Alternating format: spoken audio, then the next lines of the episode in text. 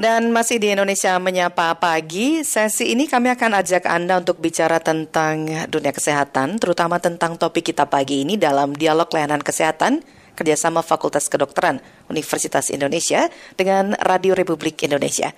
Kami akan ajak Anda bahas tentang tumor yang muncul kembali setelah dinyatakan sembuh. Apa yang sebenarnya terjadi dan bagaimana menanganinya.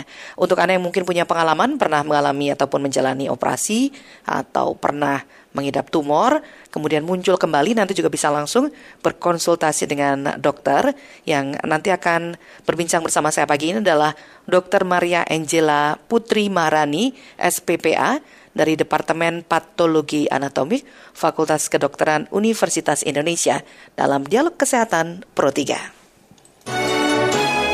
Dialog Kesehatan Ya, saya sudah bersama Dr. Maria Angela Putri Maharani, terhubung bersama kami melalui telepon. Salam sehat, dokter. Salam sehat, selamat pagi. Selamat pagi. Panggilan kesayangannya Dr. Maria, Dr. Angela, Dr. Putri? Dokter Putri aja. Dokter Putri, baik. Ya, Dokter Putri, tadi ketika uh, saya dapat informasi bahwa kita akan bahas tentang tumor yang muncul lagi setelah dinyatakan sembuh, uh, ini tentu saya jadi ingat ada beberapa teman yang sempat mereka menjalani operasi tumor, kemudian kan biasanya seperti itu kan rutin untuk kontrol ya dokter ya untuk memastikan ya, bahwa tumornya nggak muncul lagi. Tapi ternyata ada beberapa kasus teman-teman tuh yang tumornya muncul lagi, dokter. Mengapa bisa begitu ya, dok ya? Iya, jadi pertama saya mau meluruskan dulu ya Bu hmm. Eh, bahwa kalau tumor itu ada dua jenisnya tumor ganas dan tumor jinak. jinak ya. Nah kalau ya kalau tumor, nah kita akan membahas yang tumor ganas ya ini ya. Hmm. Jadi tumor ganas itu sebenarnya istilahnya bukan sembuh, tetapi remisi gitu ya. Nah dalam masa remisi ini sebenarnya uh, itu adalah masa-masa di mana kita tidak bisa menemukan bukti bahwa ada sel tumor dalam tubuh kita gitu, baik dalam pemeriksaan darah, pemeriksaan radiologi gitu. Jadi uh, mungkin pasien itu tahunya sembuh gitu, oh nggak ketemu nih sel-sel tumornya gitu ya.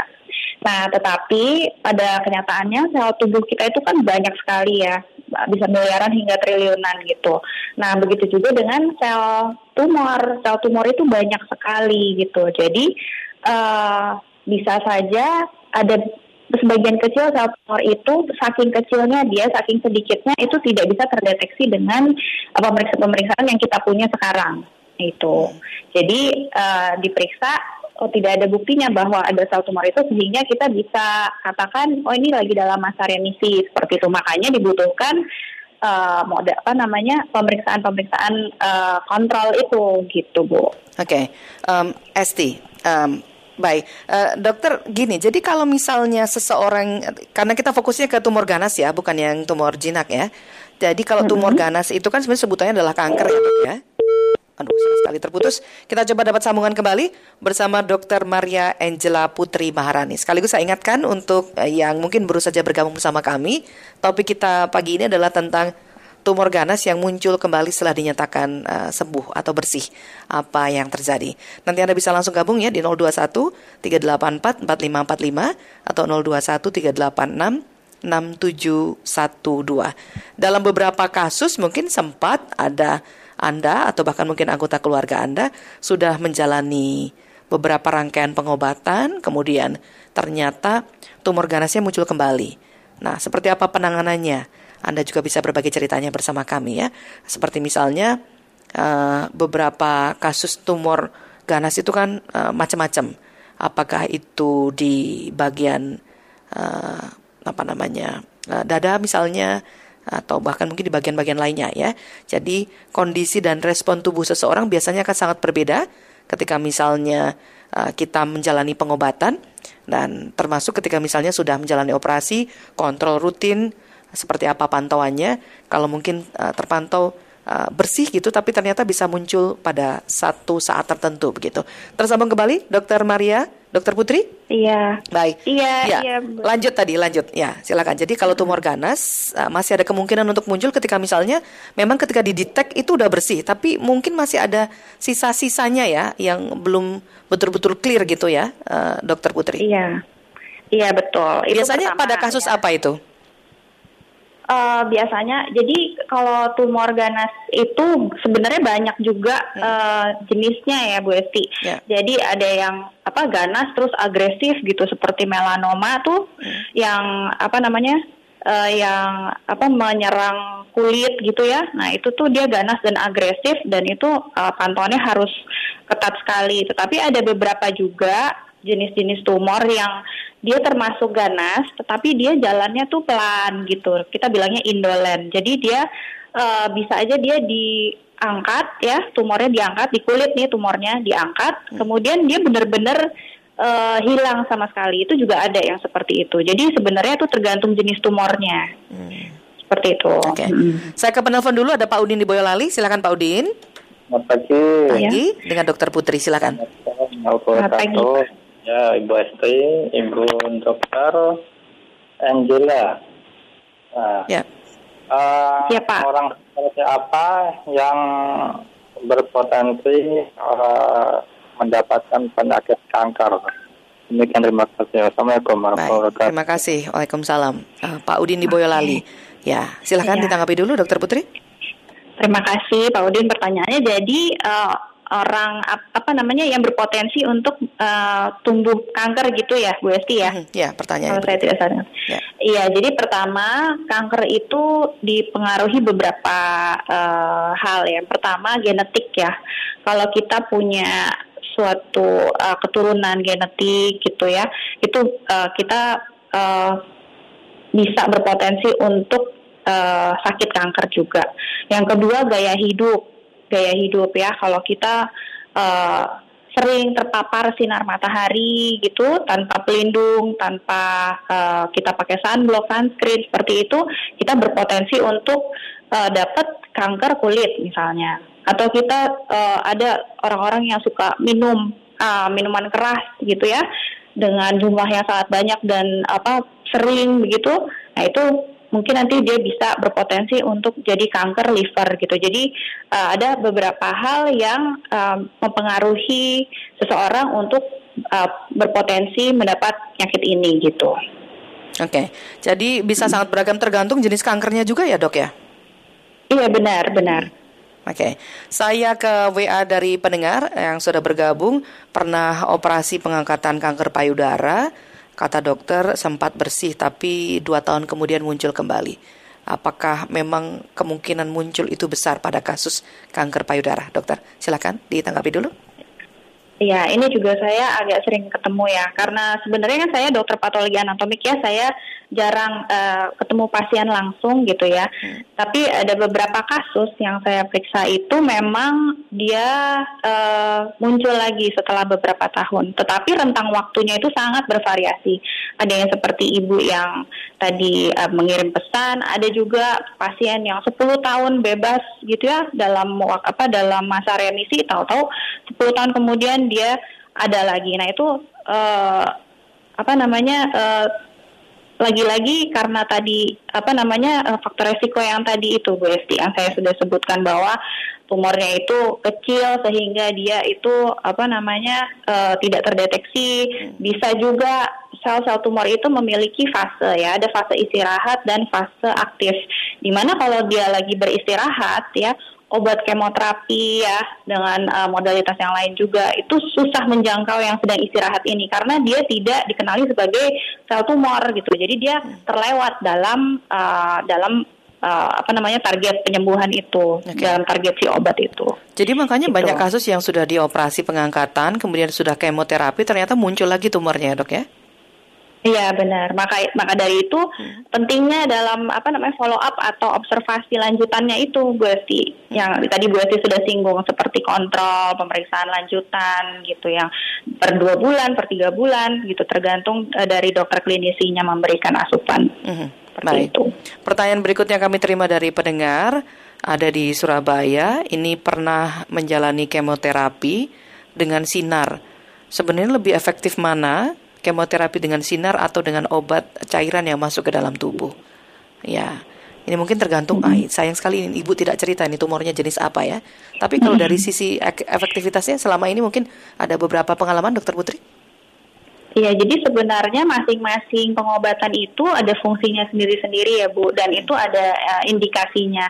Sebenarnya saya uh, mungkin kurang kompeten untuk menjawab ini, tetapi uh, dalam pengalaman saya biasanya kalau uh, pasien yang memiliki tumor yang tidak bisa terangkat seluruhnya gitu ya, nah itu nanti akan uh, dilanjutkan dengan radiasi seperti itu. Di di lokal apa di lokal do, di lokalisasi tersebut di tempat uh, tumornya itu. Tapi kalau kemoterapi dengan obat uh, oral yang diminum gitu itu dia sistemnya itu uh, sistemik jadi obatnya akan menyebar ke seluruh tubuh gitu kan ya jadi di mana pun uh, selnya itu menclok gitu ya istilahnya nah itu dia akan uh, akan apa namanya ditarget oleh si obat oral itu atau obat yang diinfus itu seperti itu. Ya.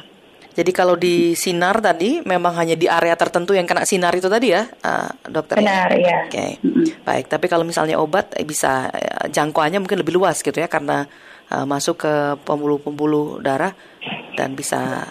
Tapi kalau misalnya pakai obat kan tidak hanya sel jahat itu, sel baiknya kan juga kena obat itu juga ya, dokter Putri ya? Iya, tapi memang tidak seluruhnya ya, hmm. USD. Memang memang itu efek sampingnya itu banyak ya dari kemoterapi ya nanti orang bisa apa rontok rambutnya, terus mual-mual, nggak bisa makan, lemes dan segala macam. Ya itu memang uh, ya memang efek sampingnya seperti itu. Baik.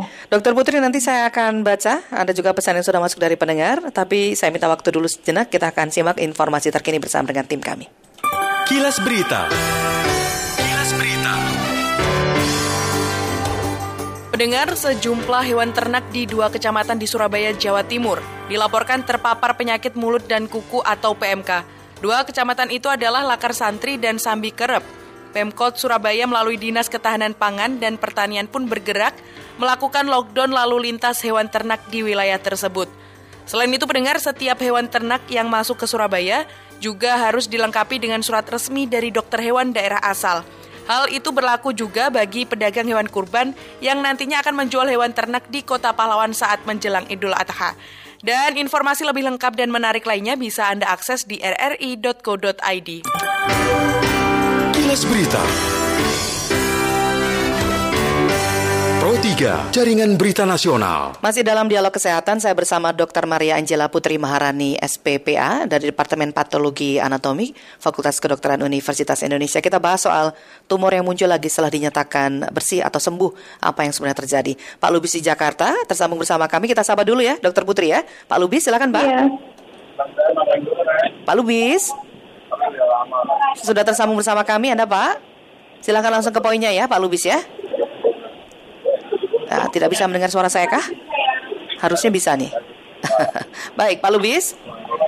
Oke, okay, saya skip ya. Saya mau ke WA dulu. Ada yang uh, bertanya melalui WA. Um, Oke, okay.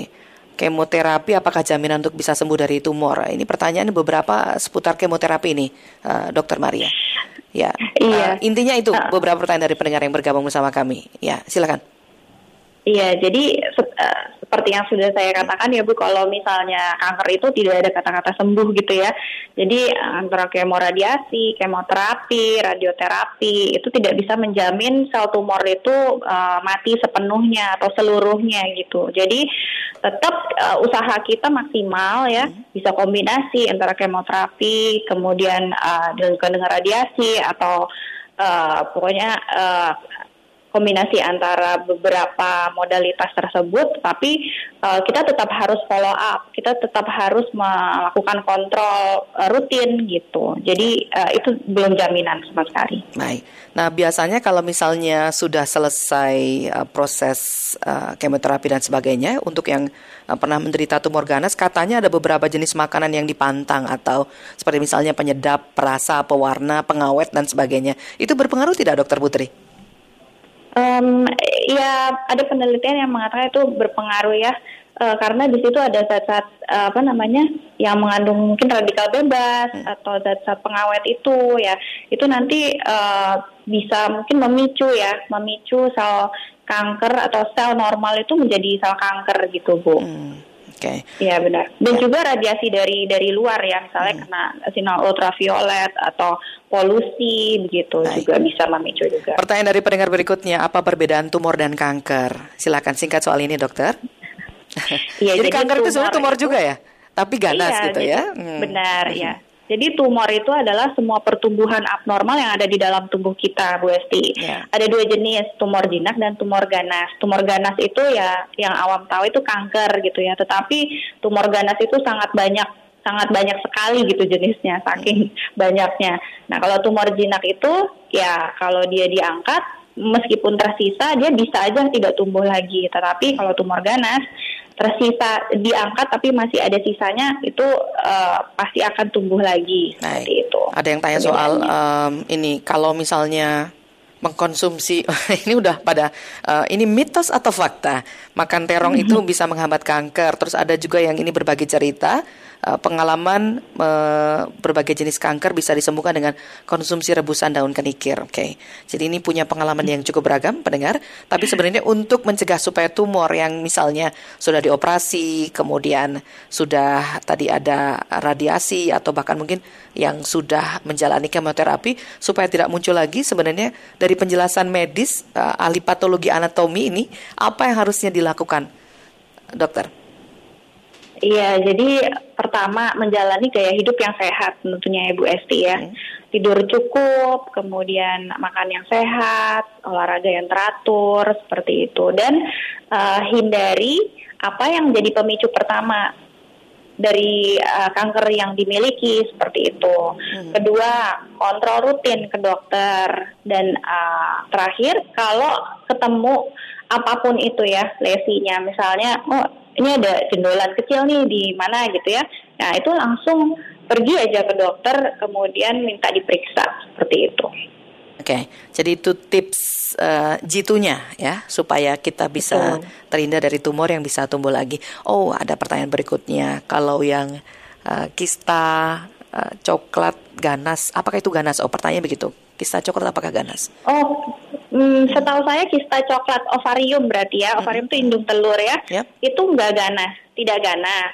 Tetapi pada beberapa kasus uh, kista coklat itu bisa ditemukan uh, bersamaan dengan uh, tumor lainnya gitu di situ. Jadi tergantung nih uh, ibu pendengar itu kista coklatnya kista coklat uh, pure kista coklat atau bagaimana? Kalau kista coklat aja itu endometriosis. Jadi artinya uh, jaringan yang ada di rahim itu ditemukan juga di hidung telur gitu. Ya. Jadi dia membentuk kista gitu. Detailnya itu, memang uh, jinak. harus diperiksa, harus dicek dulu ya uh, apa iya, betul. tes PA, patologi anatomik ya untuk memastikan ini ganas atau tidak gitu ya Dokter Putri ya. Iya, itu okay. harus dioperasi dulu Bu. Hmm. Baru ke patologi anatomik nanti kita lihat di bawah mikroskop apakah itu jinak atau ganas gitu. Dokter Putri terima kasih sudah berbagi tips, berbagi cerita bersama kami, ilmunya juga dalam perbincangan dialog Terima kesehatan. Terima kasih banyak. Salam ya. sehat selalu, Dokter Putri. Sampai ketemu lain kesempatan. Terima kasih. Dokter Maria Angela Putri Marani, spesialis patologi anatomi, tadi sudah berbincang bersama kami.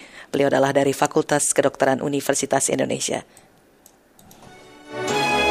Dialog Kesehatan. Kita masih akan terus lanjut ya, Indonesia Menyapa dan nanti pukul 10 waktu Indonesia Barat ada rekan saya Rudi Zain yang temani Anda. Ada topik bahasan apa lagi? Jangan lewatkan, kita akan tuntaskan uh, beberapa topik yang uh, tadi mungkin belum sempat dibahas dalam Indonesia Menyapa. Saya Esti Sulistia nanti akan kembali hadir temani Anda.